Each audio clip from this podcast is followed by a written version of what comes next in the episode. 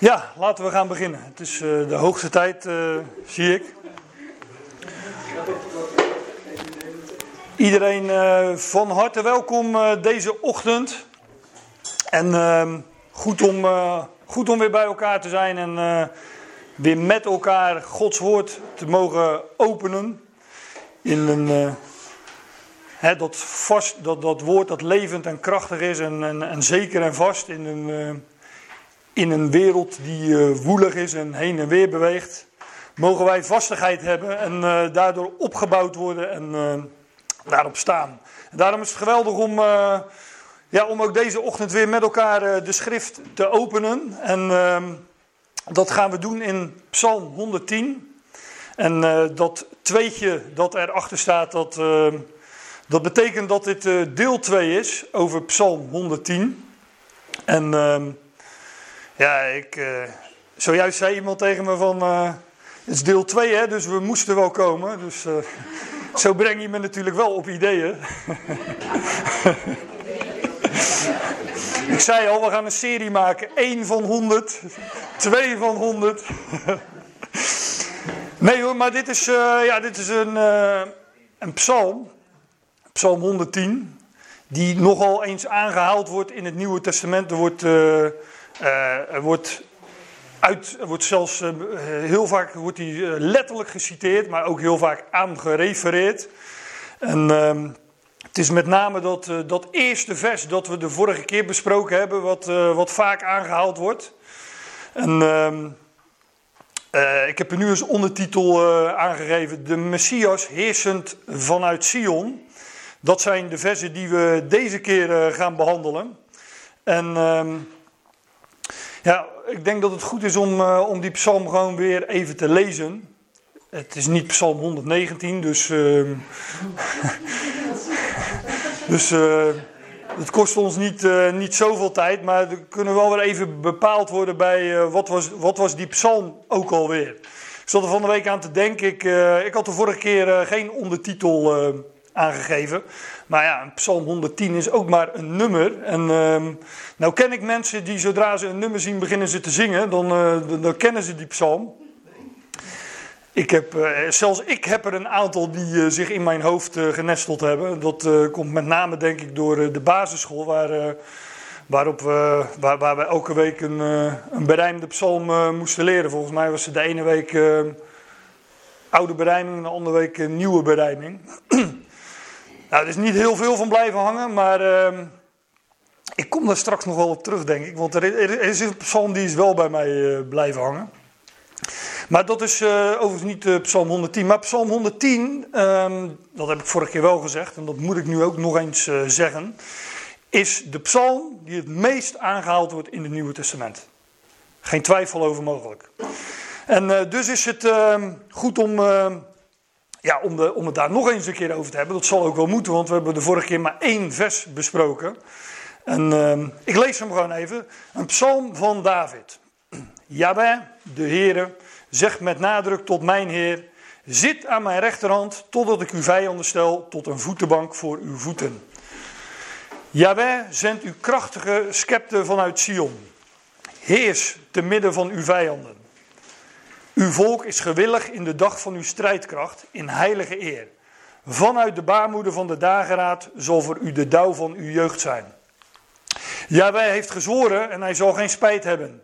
U bent priester tot in de aion, naar de orde, naar de wijze van Melchizedek. Mijn Heer is aan uw rechterhand. Hij doorboort koningen in de dag van zijn toorn. Hij verschaft recht onder de natieën, hij zal ze vullen met lichamen. Hij doorboort het hoofd over een immens land. Onderweg zal hij drinken uit de waterstroom. Vanwege dit heft hij het hoofd omhoog. Ja, dit is uh, Psalm 110, slechts uh, zeven versen. En uh, ja, nogmaals, we hebben vorige keer vers 1 eh, besproken. Ik heb vorige keer ook wat verteld over de structuur van die psalm. Um, daar valt heel veel over te zeggen. En, het hangt er ook altijd een beetje vanaf welk naslagwerk je daarop op naslaat. Maar wat in deze psalm wel heel sterk naar voren komt, is dat, hij, uh, uh, dat, dat je hem in tweeën kan eh, knippen. Daarom heb ik ook een stippellijntje gezet. En dan komt dit blauwe gedeelte, vers 1, komt overeen met vers 4 en 5. En voor vers 2 en 3 en 6 en 7 geldt hetzelfde. En we hebben, we hebben vorige keer gesproken over dat uh, vers uh, Jaweh of de Heere zegt met nadruk tot mijn Heer, zit aan mijn rechterhand totdat ik uw vijanden stel tot een voetenbank, een voetbank voor uw voeten. En dat is de positie die de Heer Jezus Christus vandaag heeft, hè, nu. En uh, dus de positie van Christus nu en daarom vinden wij dat zo vaak in het Nieuwe Testament, zeg maar in de brieven van Paulus. En ik heb uh, uh, een aantal letterlijke citaten vorige keer uh, aangehaald, bijvoorbeeld uit de Hebreeënbrief.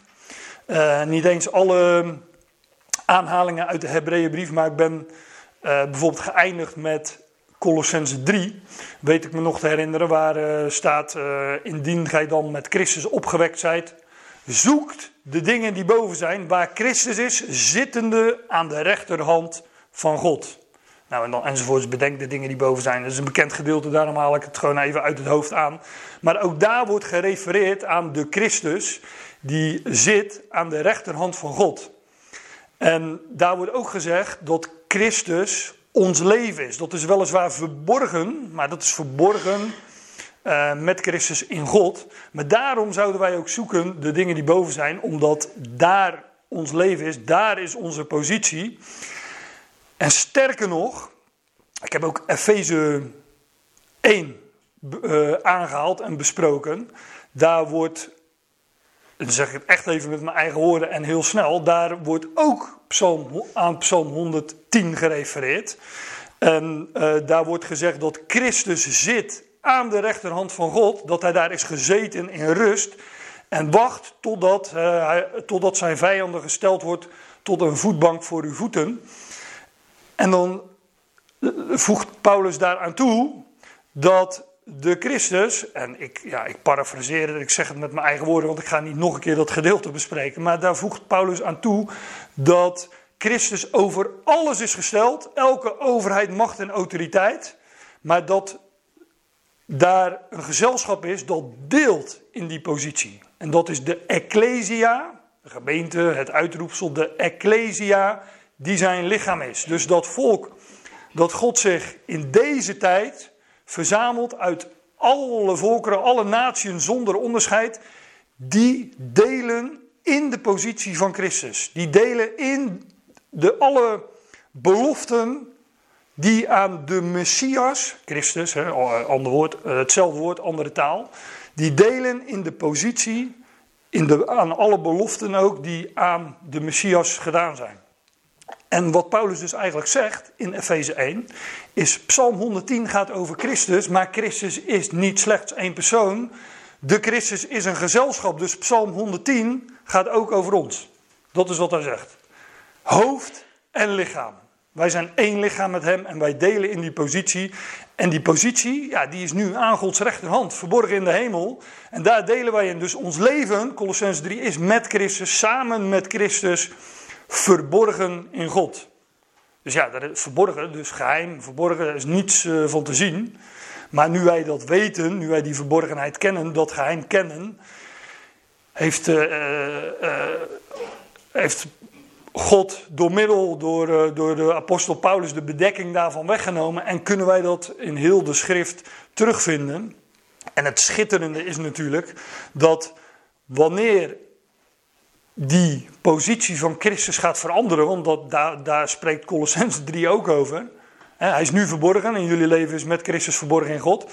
Maar wanneer Christus geopenbaard zal worden, dus wanneer die zal verschijnen in, uh, in heerlijkheid, wanneer Christus geopenbaard zal worden, zullen jullie samen met hem geopenbaard worden. In heerlijkheid.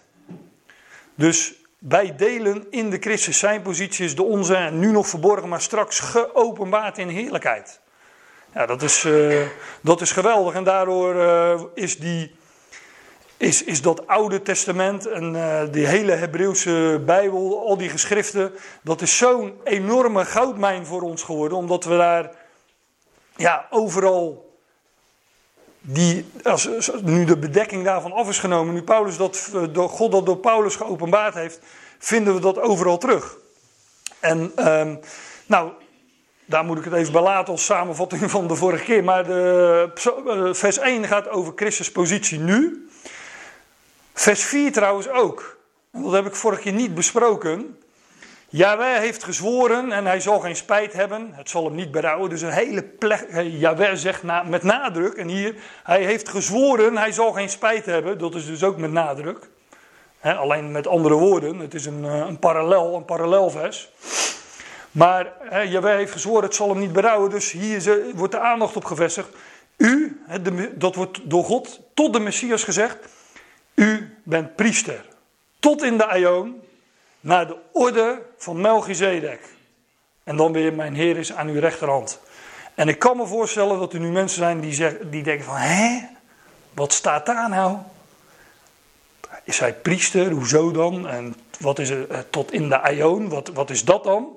En naar de orde, naar de wijze van Melchizedek.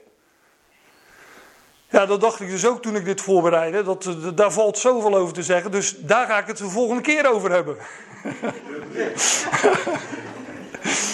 dat had ik van tevoren bedacht. Is niet naar aanleiding van jouw opmerking. maar dat, ja, er is een.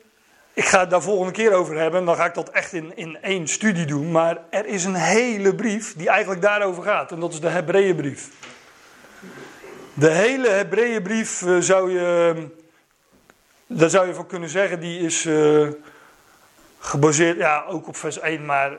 Um, want, want, dat is, dat is een, een, een, parallelvers. Het, is een, uh, het ene vers legt het andere uit en het ene vers vult het andere aan.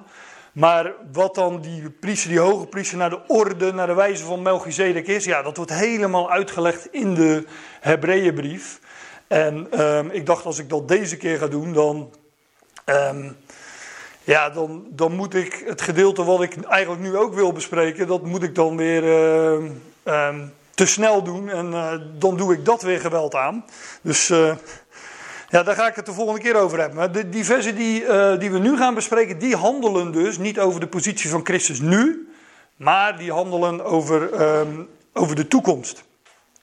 Wanneer dus Christus geopenbaard zal worden. En ehm,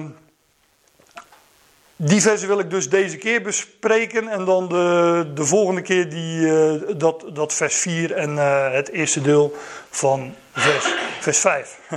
en ik, moet, ik, ja, ik moest van de week terugdenken aan uh, een week of zes geleden heb ik hier Psalm 2 besproken. En ik hoop dat jullie het allemaal vergeten zijn. Maar toen, toen heb ik gezegd van nou, het is natuurlijk het mooiste om zo'n gedeelte in één keer te bespreken. Want een psalm is nu eenmaal, het is een eenheid. Maar ja, dat kan ik met Psalm 110 echt niet doen. Dat, uh, ik denk dat dat de vorige keer wel uh, gebleken is. En uh, dat zal ook deze keer nog blijken en de volgende keer. want nogmaals, ja, het, het is de meest aangehaalde psalm in het Nieuwe Testament. Dus dat verdient wel wat van onze aandacht. En in drie keer is ook een mooi getal, toch? dan, gaan we het de, dan gaan we de derde keer gaan we het hebben over ehm, de hoge priester naar de ordening van Melchizedek aan Gods rechterhand. Nou. Maar dat is ook uh, de positie van Christus nu. En we gaan het, uh, we gaan het nu hebben over uh, de positie van Christus in de toekomst. En um, ja, nogmaals, even samenvattend. Psalm 10, 110 is dus profetisch. En gaat over de Messias.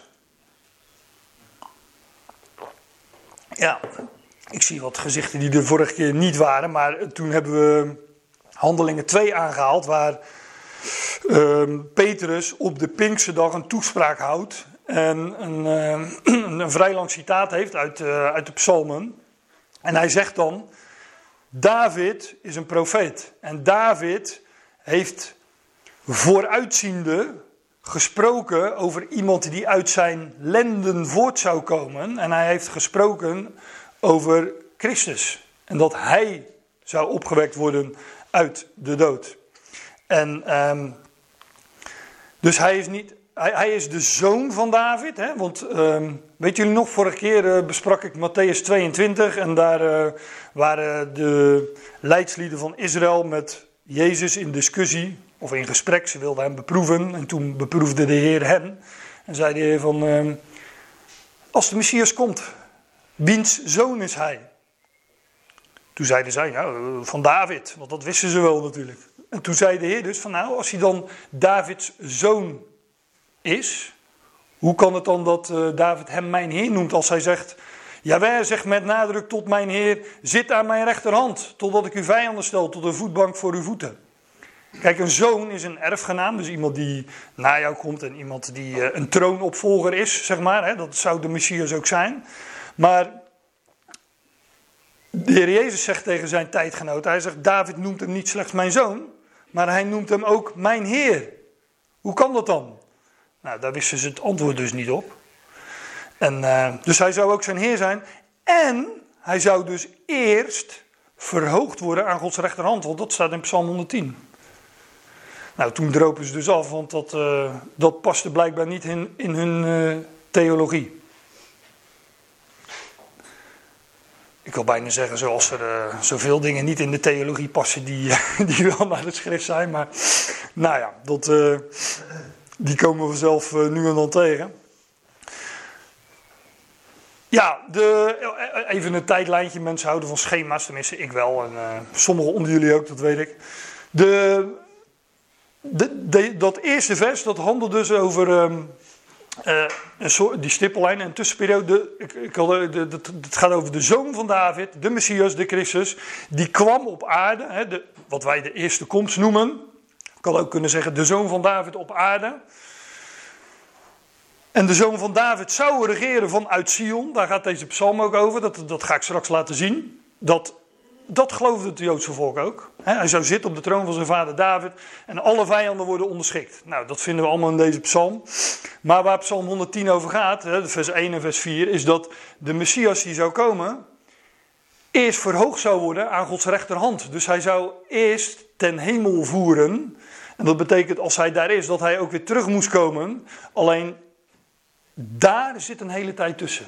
Tussen zijn, zeg maar, zijn hemelvaart en zijn wederkomst. En dat is voor ons natuurlijk, uh, hoe zeg je dat? Gesneden koek. Tenminste, dat mag ik aannemen. Want uh, hij is ten hemel gevaren en, uh, en we wachten nu nog steeds op zijn wederkomst. En ja, voor Israël voor, was dat verborgen. En hoe lang dat zou duren, dat, daar deed men. ook Petrus uiteindelijk nog wat langer over om daarachter te komen dan, um, dan hij in eerste instantie had gedacht. Want in, de, in het boek Handelingen was de prediking van Handelingen 3 bijvoorbeeld. dat Petrus predikte van. jullie hebben hem gekruisigd, God heeft hem opgewekt. Maar als jullie nu als, ook dit parafraseer ik even in, mijn eigen woorden. Als jullie nu je bekeren als volk, bezint jullie en bekeert jullie, dan zal God de Messias, die jullie gekruisigd hebben en gedood, die hij opgewekt heeft, zal hij terugsturen en dan zal hij alles herstellen waarvan de profeten gesproken hebben. Oftewel, uh, dan zou de zoon van David zijn koninkrijk oprichten. Nou, dat ge gebeurde niet op dat moment. Dat... Uh, zou wat langer duren. En Petrus voegt daar in zijn laatste brief aan toe. We dachten dat hij na twee dagen op de derde dag zou terugkomen. Israël zou herstellen, zo moet ik het zeggen, hè, naar, naar Hosea 6. Maar dan moeten we denken dat uh, één dag bij de Heer is als duizend jaar en duizend jaar als één dag. Oftewel, Peter zegt van, ook van, uh, zoals, de, uh, zoals onze geliefde broeder, de, onze geliefde broeder Paulus in al zijn brieven spreekt hij daarover. Dat is wat, wat, wat hij zegt. En hij zegt dus, ja, die dagen moeten dus blijkbaar rekenen in dagen van duizend jaar. Dan zeg ik het heel kort. Maar dan zou de Heer dus terugkomen na ongeveer 2000 jaar. Nou, en die zijn bijna verstreken, dus daar die, dat verwachten wij ook. Nou, ik, ik, ik moet echt verder, want uh, we gaan naar uh, vers 2. En dat is dus het rode gedeelte in die dia met, uh, met, met, met structuur. En ehm, dan staat er op, eh, zit aan mijn rechterhand totdat ik uw vijand stel tot de voetbank voor uw voeten. En dan opeens, jawel, zendt uw krachtige scepter, of scepter, hoe zeg je dat? Scepter, zeg ik altijd maar. Uh, vanuit Sion. In de Hebreeënbrief staat wordt, dat, dat is ook dus zo'n aanhaling van Verijn. Dat uh, Christus, hè, de zoon, is voorts afwachtende. Dus uh, hij wacht af. Totdat alle vijanden gesteld worden tot een voetbank voor zijn voeten. Dus hij is aan het afwachten totdat het moment komt dat alle vijanden onderschikt gaan worden en onder zijn voeten zullen worden gelegd. En hier in de psalm is dat dus dat moment dat hij gaat regeren, dat, dat hij de, uh, om met die beeldspraak, om bij die beeldspraak te blijven, dat hij die scepter gaat zwaaien, hè, zo heet dat toch, is dat moment aangebroken. Dat totdat is aangebroken. Zit aan mijn rechterhand totdat. Nou, dat is hier aangebroken. Jawel zendt uw krachtige scepter vanuit Sion. De Messias zal verschijnen. Zacharia 14, hij zal zijn, uh, zijn voeten zetten op de olijfberg. Hij zal verschijnen aan het Joodse volk. Die dus uh, die zijn naam zullen aanroepen. Die zullen de naam van Jaweh aanroepen en dan zal hij verschijnen. En dan zal hij dus heersen vanuit Sion. Sion is uh, een berg berg Sion in uh, Jeruzalem. Wordt, wordt ook uh, um, de burcht Sion genoemd. Maar burcht, ik heb uh, in het etym etymologisch woordenboek, hè, waar de oorsprong van woorden, hoe die tot stand zijn gekomen. Daar zag ik dat het woord burcht ook afgeleid is van een berg. Ik denk, een burcht is natuurlijk een vesting. En wat men vroeger ehm, om ehm, strategische redenen deed, was zo'n burg vaak op een hoogte bouwen, op een berg of op een heuvel. Ja, wij, deden dat vroeger om uh, droge voeten te houden. Maar het is natuurlijk ook handig als je een uh, vesting bouwt om dat op een, uh, op een berg te doen. Dan heb je je vijanden altijd onder je en dan is het makkelijk om een steen op zijn hoofd te gooien of zo. Ik zeg maar wat. Wat aan die reclame denken van ze smelten de kazen. Dat, als jullie die kennen tenminste. Dat is al een beetje oude reclame geloof ik, maar ik word ook wel de oude dus.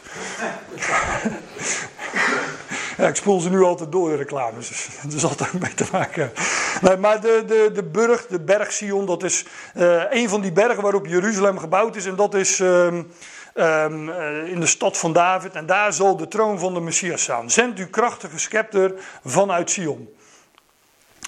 Dan ga ik even naar Psalm 2, want dat is een psalm die, ja, die moet je echt naast Psalm 110 leggen. En dat is dus een psalm die ik een week of was zes weken, zei ik net, uh, geloof ik. Dus dat zal het ongeveer zijn, maar in ieder geval uh, uh, enige weken geleden besproken heb.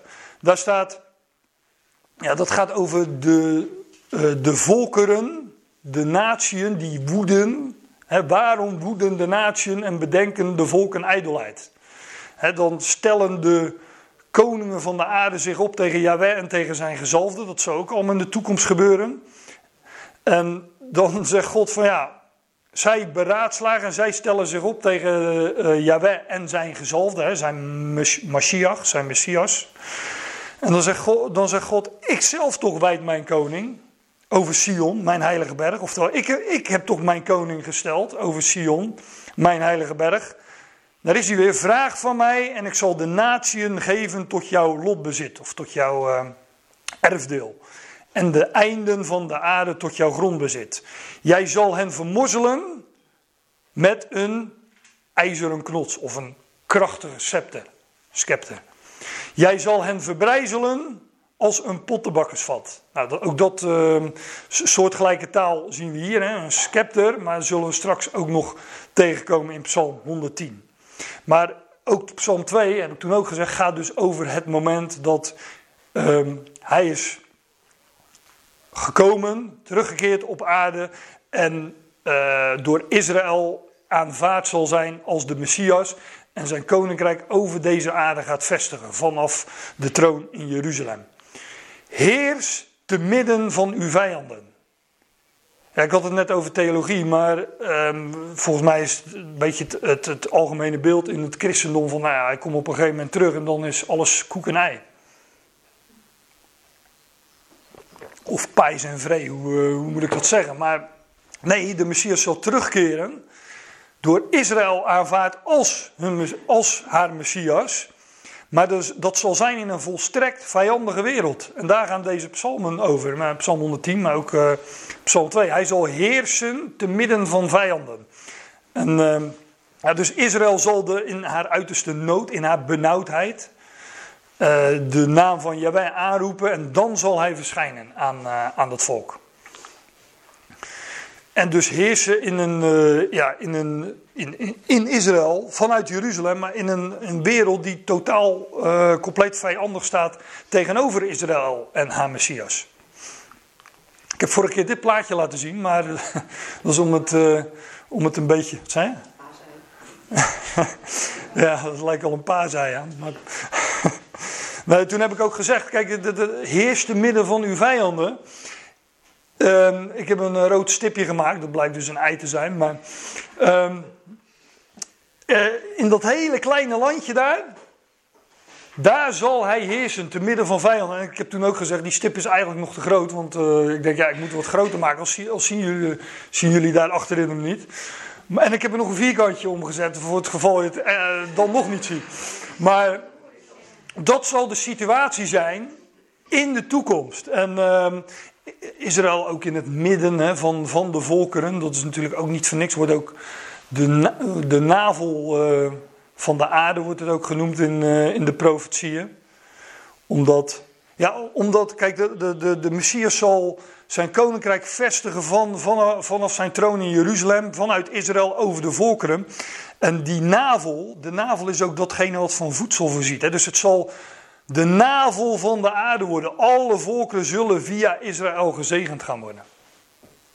Dus dat, uh, dat is natuurlijk ook een. Ja, dat, ook dat is evangelie. Dat is goed bericht. Dat, uh, en ja, ook weer theologie, dat Israël volledig zou afgedaan hebben. Nee, God gaat alle volkeren zegenen via dat, ja, dat heet dan een priesterlijk koninkrijk, wordt, wordt Israël wel genoemd. Daar is nu geen sprake van in die onderbreking, want God verzamelt zich nu een volk uit de natie. Maar heerst te midden van uw vijanden. Nog even naar Psalm 2. Waarom, ja, ik heb het eigenlijk al geciteerd. Waarom woeden de natieën en bedenken de volken ijdelheid? De koningen van de aarde stellen zich op. En de machthebbers hebben zich verzameld tegen Yahweh en tegen zijn gezalfde. Zeggend, laten wij hun banden losscheuren en laten wij hun touwen van ons afgooien. Dus de natieën zullen zich niet willen onderschikken. Die zullen zich verzamelen, de Verenigde Natieën. De Verenigde de Naties zullen zich verenigen. Dat doen ze nu al, maar dat zullen ze ook dan doen. Maar dan ook um, en als de, koningen van de aarde die komen bij elkaar en die woeden en uh, die bedenken ijdelheid. Laten wij, en die zeggen: laten wij hun banden van losscheuren en laten wij hun touw van ons afgooien, want zij willen zich niet onderwerpen. En uh, ja, dan zegt dus uh, God van: uh, ik zelf heb toch mijn koning uh, gesteld over Sion, mijn heilige berg. Terwijl jullie kunnen doen wat je wil en beraadslagen wat je wil en je opstel uh, tegen mij en tegen mijn Messias. Maar uh, ik zelf heb hem gesteld als koning en uh, alle vijanden zullen onderschikt worden. En dat, uh, dat, gaat dus ook, dat gaat dus ook gebeuren. En daar handelen deze psalmen over. Heerst te midden van uw vijanden. Ja, dat is ook een ehm, er zijn talloze profetieën die hier natuurlijk over gaan. En ik, ik haal nu een paar schriftplaatsen aan omdat het tamelijk onbekend is. Maar Jezaja 60 bijvoorbeeld. Ook echt, echt mooi hoe, hoe dit staat. Ik haal deze aan omdat die ook redelijk bekend is. Voor mij uh, meestal rond kerst. maar dat is alles, elke tekst waar het woord licht in voorkomt natuurlijk. Maar sta op, word verlicht. Want jouw licht is gekomen en de heerlijkheid van Yahweh de heerlijkheid des Heren gaat stralend over jou op. Want zie, duisternis zal de aarde bedekken en donkerheid de volkeren. Maar over jou, en het gaat over Jeruzalem, lees het hoofdstuk maar eh, door. Over jou zal Jahweh stralend opgaan en zijn heerlijkheid zal over jou gezien worden. Als een zon die opkomt, zo wordt dat, dat uh, het heet ook de dag des Heren, hè, de dag van Jaweh, dat die, die, die periode in de toekomst die gaat aanbreken. En de zon zal als eerste, om bij die beeldspraak te blijven, de zon zal als eerste gaan schijnen, de dag zal als eerste aanbreken voor Israël. En dat wordt hier beschreven, de, duisternis zal de aarde bedekken, donkerheid de volkeren, maar over jou Jeruzalem zal Jaweh stralend opgaan, zoals de zon vroeg in de ochtend uh, uh, opkomt. Nou ja, vandaag even anders, maar denk aan gisteren. En zijn heerlijkheid, hè, dat is natuurlijk een parallelisme. Um, de zon die stralend opgaat over Jeruzalem is een uitbeelding van zijn heerlijkheid die over jou gezien zal worden. En de natieën zullen gaan naar jouw licht. En koningen naar de helderheid van jouw stralende opgang. Geweldig, ook ja, Jezaja wordt wel de evangelist van het Oude Testament genoemd, maar dat is niet voor niks natuurlijk. Zijn geweldige dingen die we hier beschreven vinden. Ehm, en ik zou nog wel het hoofdstukken uit Jezaja, Jezaja 2 bijvoorbeeld, dat alle volkeren zullen optrekken naar Jeruzalem enzovoort. En Israël zal het stralende middelpunt zijn met de Messias op de troon in Jeruzalem voor alle volkeren. En al die volkeren zullen zich uh, onderschikken. Maar dat zal uh, niet zonder slag of stoot gaan. En uh, dat vinden we bijvoorbeeld beschreven in het boek Openbaring. Hè? De openbaring van Jezus Christus. Ja, daarin vinden we bijvoorbeeld bezuinen en schalen. Al, uitbeelding van allerlei gerichten die over de volkeren gaan komen. Hè? Duisternis zal de aarde bedekken en donkerheid de volken, maar over jou, Jeruzalem, zal je weststralend opgaan. Maar in eerste instantie heersend te midden van vijanden. Uw volk is gewillig in de dag van uw strijdkracht. Nee, eigenlijk moet ik zeggen, uw volk is gewillig in de dag van uw strijdkracht.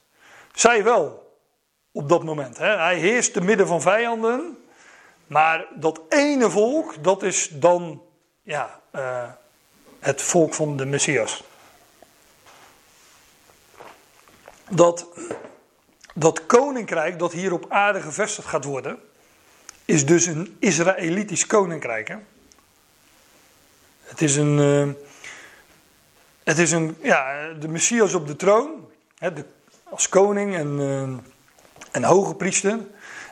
En Israël als een priesterlijk volk, een priesterlijk koninkrijk.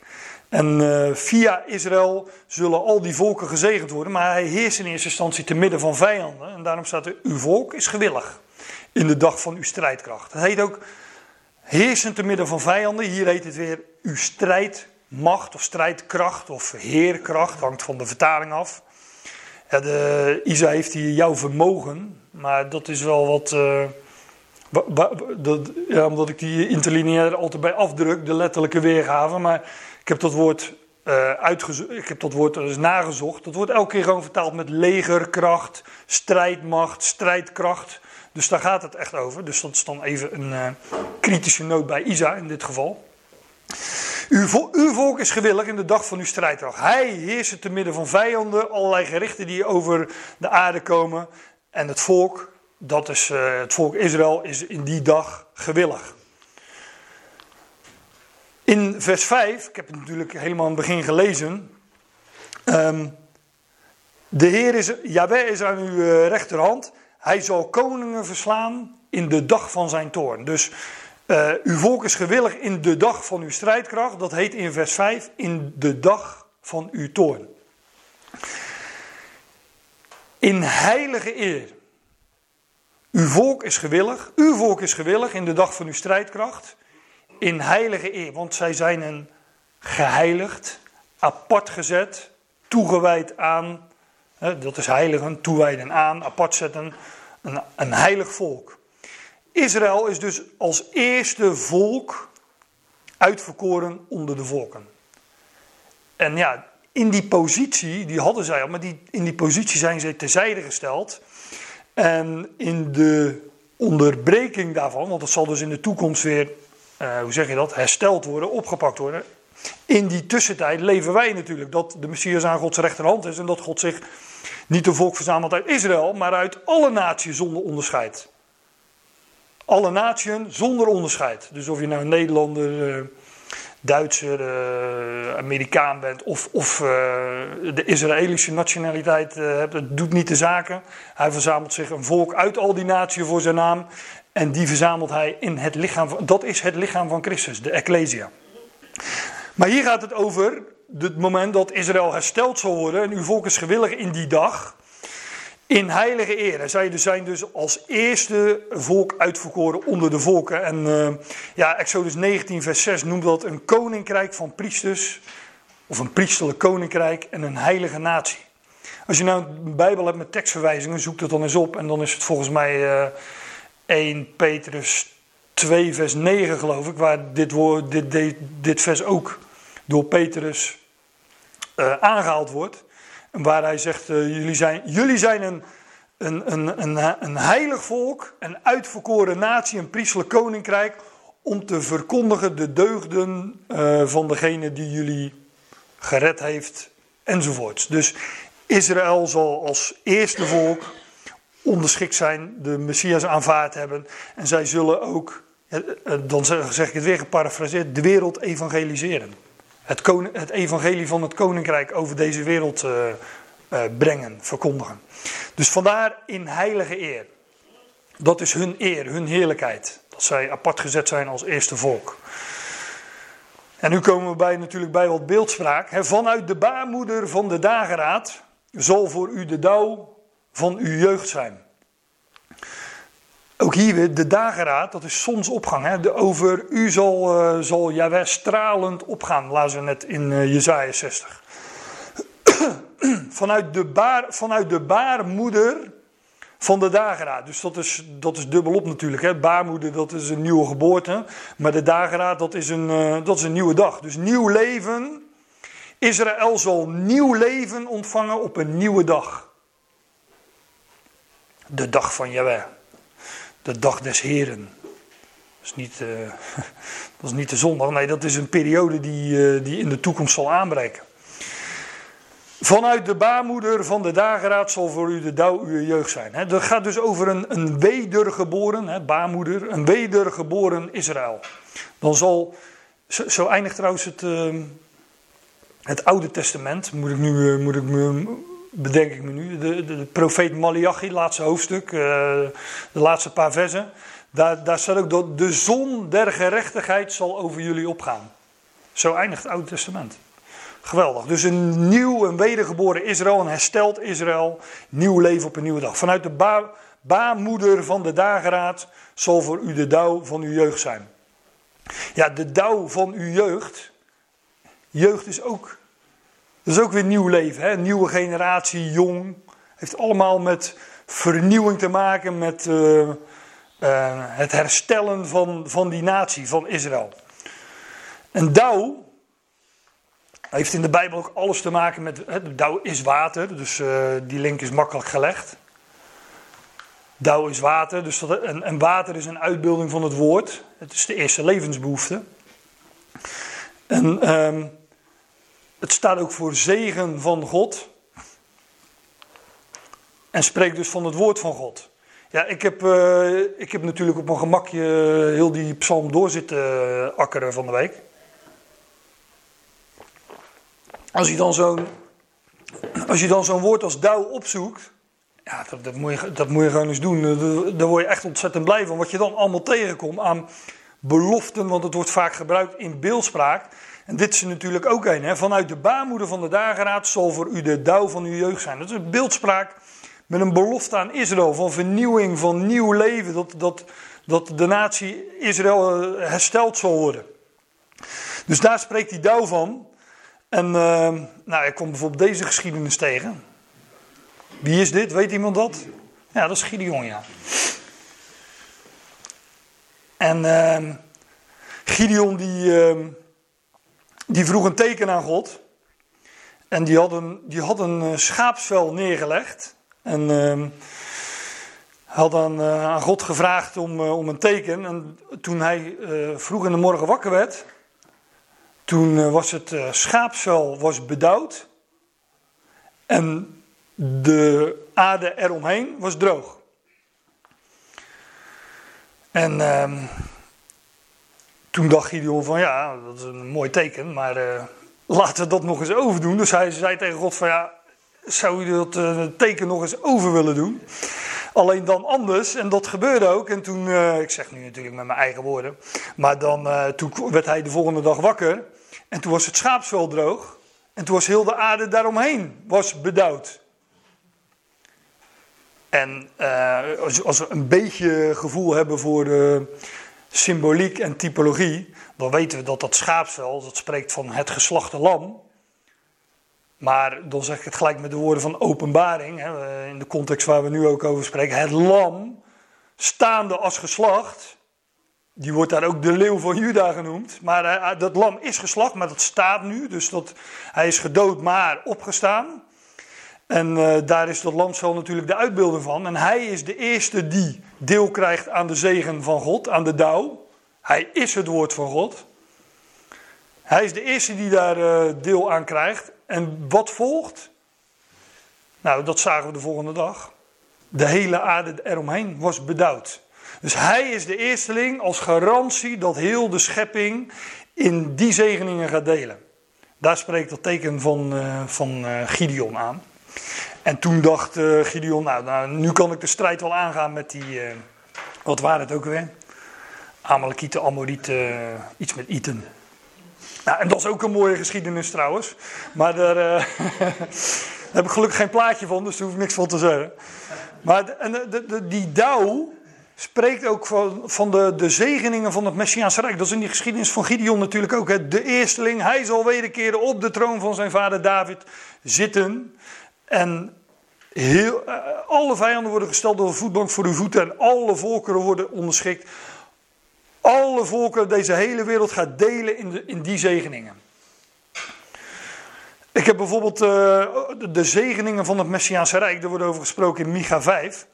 En het, ook zo mooi, het overblijfsel van Jacob, want het zal uh, een overblijfsel, Jacob, hè, de, de, de, naam, de andere naam van die, zeg het eens, even terugspoelen. Zijn naam werd veranderd later in Israël. Hè, die Jacob hebben we het over, uit Genesis.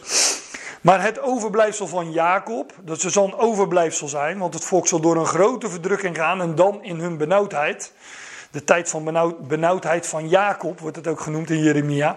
In die tijd zullen ze de naam des Heren aanroepen en dan zal hij verschijnen. Dan zal hij zijn voeten zetten op de Olijfberg. Nou, dat overblijfsel, het overblijfsel van Jacob, dat is dus een gelovig uh, overblijfsel, zal in het midden van vele volken zijn als dauw van. Zie je, denk elke keer maar dat plaatje erbij. Als te midden van de volkeren. Dat delen zij al uh, um, in de zegeningen van de Messias. Ze zijn, zullen zijn het overblijfsel van Jacob zal in het midden van vele volken zijn als dauw van je als regenbuien op het kruid. De vroege en de spadenregen enzovoort. Het spreekt allemaal van vruchtbaarheid, van leven. Dat niet hoopt op een man en het niet van mensenzonen verwacht. Dat zullen ze eerst nog wel doen. Hè. Ze gaan een, eh, een, een, een eh, de tijd waarin wij die nu aanstaande is, zal er een, eh, dan zal men wel op mensen vertrouwen, al uh, een verbond sluiten enzovoorts. En, nee, dat, dat, dat overblijfsel van Jacob zal in het midden van vele volken zijn als dauw van wel, als regenbui op het kruid, dat niet hoopt op een man en het niet van mensenzonen verwacht. En het overblijfsel van Jacob zal zijn onder de natieën, in het midden van vele volken, als een leeuw onder de beesten van het woud. Als een jonge leeuw onder de schaapskudden. Die wanneer hij voorbij trekt, hij vertreedt en hij scheurt in stukken en er is geen uitredden. En dat is natuurlijk ook uh, sterke taal voor uh, beeldspraak, ook voor het onderwerpen, onderschikken van de volken. De volken die als voetbank voor zijn voeten gesteld zullen worden. Het zal eindigen in één groot Messiaans vrederijk, hè, zo wordt dat ook genoemd, maar ja, pas erop, dat gaat niet zonder slag of, of stoot. Dat lezen we ook in de openbaring, al die gerichten en oordelen. En hier wordt in de beeldspraak van een leeuw die, uh, die verscheurt. Het zal met harde hand gaan. Want de, want de volken zullen dat niet accepteren. Zij zullen beraadslagen tegen Jaweh en tegen zijn gezalfde en zich opstellen tegen hem. En hij zal hen verbrijzelen als uh, een pottenbakkersvat. Dus dat gaat met, met harde hand. Dat, dat, dat, is niet dat er een. Dat gaat niet democratisch. Niet zo van, nou laten we met z'n allen naar de stembus gaan en laten we kijken wat de uitkomst is.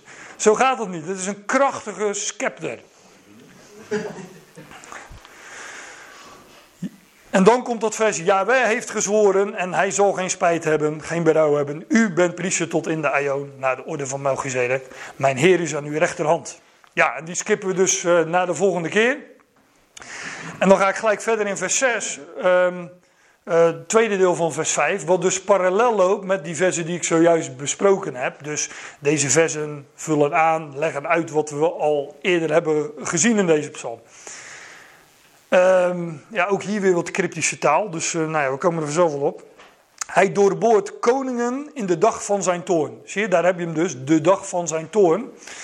Andere vertalingen hebben hier ehm, bij dat doorboren verbrijzelen, verpletteren. Ja, dat wordt, ehm, wordt zo nu en dan wat anders vertaald. Maar je kunt iets ook verbrijzelen door het te doorboren natuurlijk. Dus dat, ehm, Hij doorboort koningen in de dag van zijn toorn. We zagen in Psalm 2 net, wat ik uh, even liet zien. Jij zal hen verbrijzelen als een pottenbakkersvat. Het, en die, die dag van zijn toorn, ik wees er net al even op, dat wordt in openbaring genoemd de dag van zijn toorn. Of, uh, ja, dat is nog een, uh, trouwens een, voor de fijnproevers een handschriften dingetje. Sommige manuscripten hebben daar de dag van hun toorn. En dan gaat het dus over, dan gaat het dus over Yahweh en zijn gezalfde. Maar mogen duidelijk zijn, die, die, als, de, als de. Ja, ik haal nu wel wat dingen aan. Uh, dat, waar ik misschien wat lastig mee maak. Maar dit, dit, dit zijn dingen die, die spelen zich af. Ja, die kun je op een tijdlijn plaatsen. En uh, de, die, die dag van zijn toorn in openbaring 6 die vindt plaats na het zesde zegel. Eh, in openbaring vinden we een serie van zeven zegels, bezuinen en schalen. En die eerste zegels is een zegel over uh, uh, een aantal ruiters. Hè, ruiters op een, een, wit paard, een rood paard, een zwart paard enzovoort. Die een uitbeelding zijn van een tijd van vrede die zal komen en een tijd van grote verdrukking. Ik zeg het maar even snel, we hebben het daar vaker over gehad. Maar na dat zesde zegel dan zal de dag van zijn toorn aanvangen. En dat is na zijn komst op de olijfberg. Dus als hij wederkeert, zijn wederkomst op de olijfberg, waar gesproken, waarover gesproken wordt in Zachariah 14, als hij wederkomt op de olijfberg, bij zijn wederkomst, dan is het niet zo dat meteen het Messiaanse Rijk aanvangt. Nee, dan vangt de dag van zijn toorn aan. Dus dan, ehm, ja, ik wou zeggen, dan begint het pas. Dat, dat is natuurlijk ook niet zo. Maar eh, voor Israël wel, in zekere zin. Want dan uh, vangt het koninkrijk aan voor Israël. Maar de volkeren, ja, daar hebben we het over. Hij heerst te midden van vijanden. De volkeren zijn dan nog niet onderschikt. En uh, vandaar dat hij koningen doorboort of verbrijzelt in de dag van zijn toorn. Nou, even een tijdlijntje dan, ehm, ook maar weer. En uh, ga niet tegen me zeggen van uh, ik mis dat erop. Want dan. Ik heb wel eens vaker gezegd: als je eenmaal gaat beginnen om alles erop te zetten wat zich in die periode afspeelt. Ja, dat, dat, krijg je niet op één dia. Dat is zoveel. Hè. ik noem maar wat. twee getuigen hè, uit openbaring. Die, die, heb ik hier, niet, die heb ik hier niet op staan. Um, nou, ik ga ze niet noemen ook natuurlijk, want dan, dan blijf ik aan de gang. Maar er zal een grote verdrukking komen, over, gecentreerd op, in Israël. En dan zal de Messias verschijnen in Israël. Dat vers heb ik nu een paar keer aangehaald. Zijn voeten zullen staan op de Olijfberg. Dan heerst de Messias, Christus, vanuit Jeruzalem. Maar de volkeren, he, heerst te midden van uw vijanden. De volkeren zijn dan nog niet onderschikt. Dus dat zal zijn, dat zal zijn de dag van zijn toorn. Wanneer de bezuinen en schalen over de volkeren komen. En pas daarna zullen die duizend jaren aanvangen dat Satan gebonden is. En wat dan uh, in het christelijk jargon, zullen we maar zeggen, heet het Messiaanse vrederijk. Dat is geloof ik een uh, term die Johan de Heer heeft verzonnen, want die vind je niet in de Bijbel. Maar het, uh, of de, het duizendjarig vrederijk. Nou is dat uh, op zich een, wel een aardige term, maar het dekt niet helemaal de lading, want het gaat erom dat Satan duizend jaar gebonden is. Dat is trouwens ook openbaring, openbaring 20. Nou, dat even om het in een bepaald perspectief te plaatsen.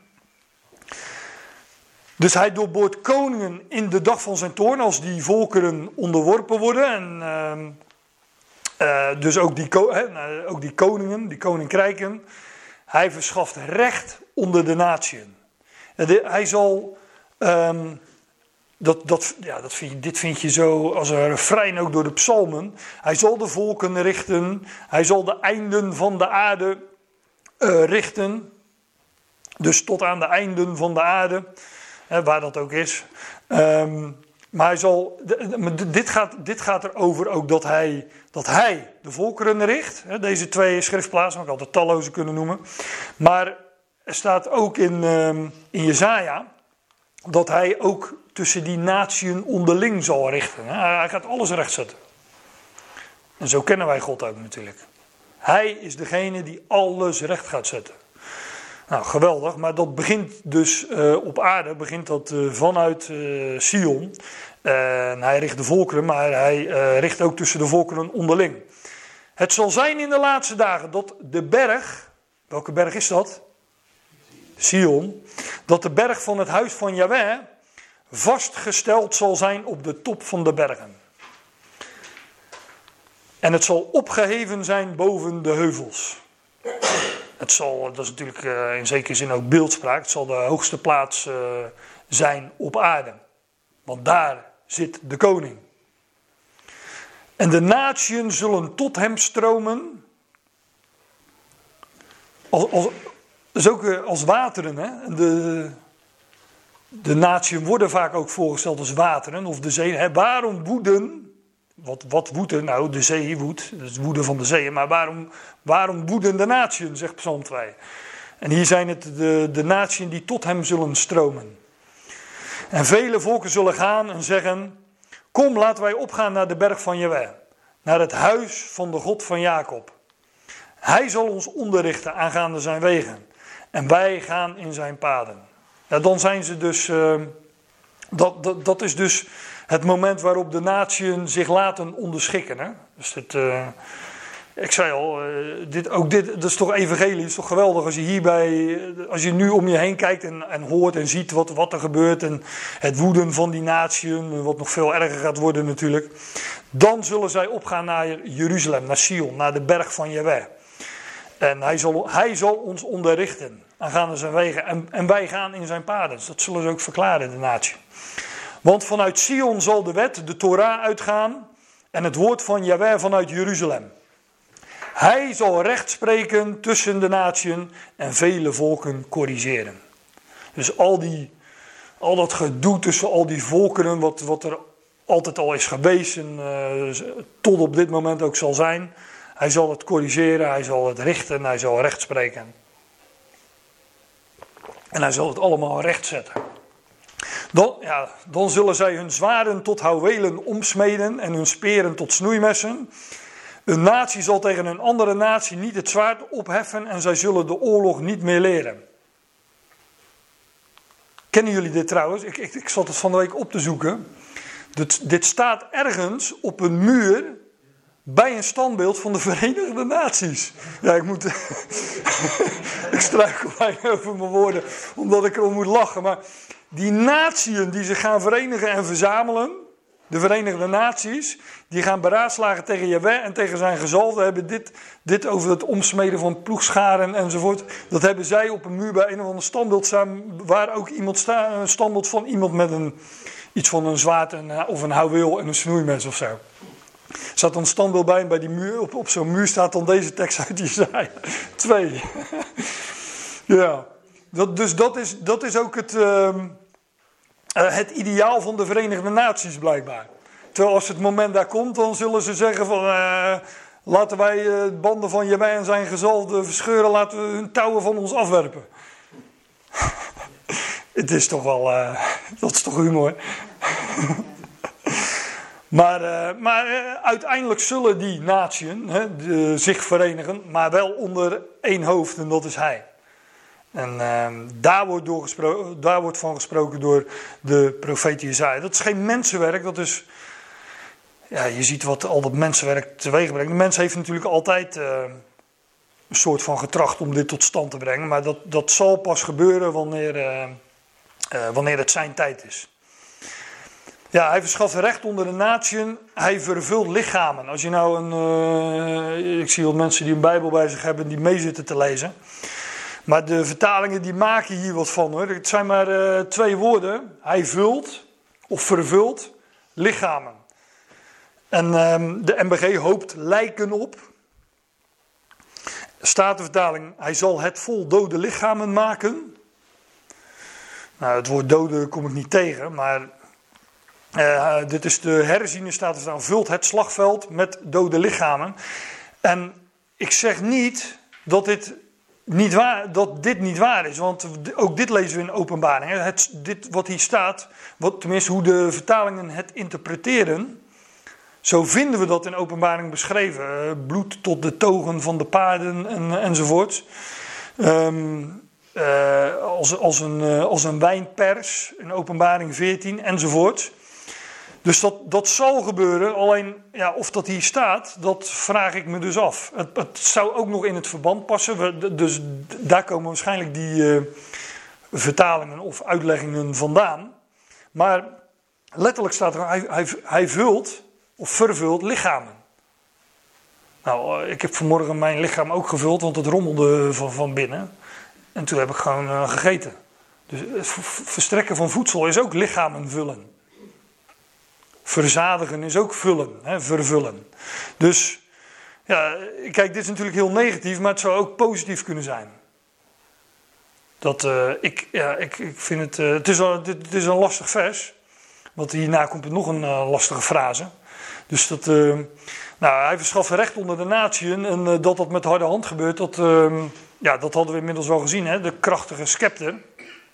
Maar of dit, hij vult of vervult lichaam, of dat daar ook over gaat, dat, uh, nou, dat, dat vraag ik me dus af. Dat, dat weet ik niet. En uh, ik geef gewoon, ik geef u beide opties. En uh, wellicht uh, gaat iemand mij van de week een mailtje sturen of komt straks onder de koffie naar me toe van ik denk dat het zo is, want. Nou, en dan zodra je me een goed argument geeft uit de schrift, dan ben ik meteen om. Maar laten we verder lezen. En, ik kan daar verder ook niks over zeggen. Hij doorboort het hoofd over een immens land. En um, ja, dat, dat, dat, dat is ook een lastige. hij verbrijzelt het hoofd over een uh, immens land, zou het dus ook uh, kunnen zijn. Maar um, het woord. Um, hier, wordt het woord eret weergegeven met aarde. In het Hebreeuws heb je voor aarde en land één woord. In het Grieks trouwens ook. In het Grieks is het G of G. Ja, G. Um, en in het uh, Hebreeuws is dat Eretz. En uit het verband moet dan blijken, gaat het over uh, Eretz Israël, gaat het over het land Israël, of is het, is, is het gewoon het land, zeg maar, het droge? Tegenover de zeeën. Maar hij, hij doorboort of hij verbrijzelt het hoofd over een immens land. Dat, dat zou, als je het mij vraagt, gaat het over dat, uh, uh, dat, dat beest, die mens der wetteloosheid, die in de toekomst uh, zal verschijnen. Ja, en die zal, uh, die zal hij, hoe staat het er? Te niet doen door de, de geest, de adem van zijn mond of zo. Hè? Ook natuurlijk beeldspraak. Maar die zal hij dus verpletteren en verbrijzelen. Dus ik denk dat het daarover gaat. Ik heb totaal geen verstand van Hebreeuws, maar het zou ook nog zoiets kunnen. Want immens is groot en land is dat dan aarde. Hij doorboort het hoofd van van een grote der aarde. Dat, dat zou het ook nog uh, kunnen zijn. En dat de, degene die op dat moment het grootste op aarde is en zich verheft boven alles wat uh, ook God genoemd wordt, die zal hij in ieder geval verslaan. En ik geloof wel dat het daarover gaat, maar hoe dat dan precies vertaald moet worden, dat, uh, ja, dat vind ik een, ook dat vind ik een lastige. Dus, maar de, ja, ook hier de, de andere vertalingen verbrijzelen, verpletteren. En ik, ja, heb er een vraagtekentje achter gezet, maar dat lijkt me over die, uh, die mens van de wetteloosheid te gaan. Trouwens, er is er nog eentje, die wordt uh, een beest uit de zee en een beest uit het land. En het, uh, dat andere beest, dat wordt genoemd de valse profeet. En ook daar wordt mee afgerekend. Nou, dat is allemaal, ehm, die had ik ook nog allemaal op die tijdlijn kunnen zetten, hè, die, die beesten. Maar dan wordt het zo'n beestenboel. Maar ik moest wel denken aan zoals David Goliath doorboorde.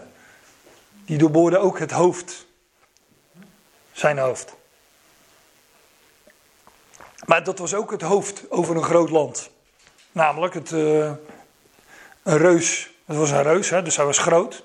Maar hij was, de, uh, was de, ja, degene die door de Filistijnen naar voren werd geschoven. En nou, ik heb die geschiedenis wel eens besproken van David en Goliath. Hoe lang dat geleden is, weet ik niet.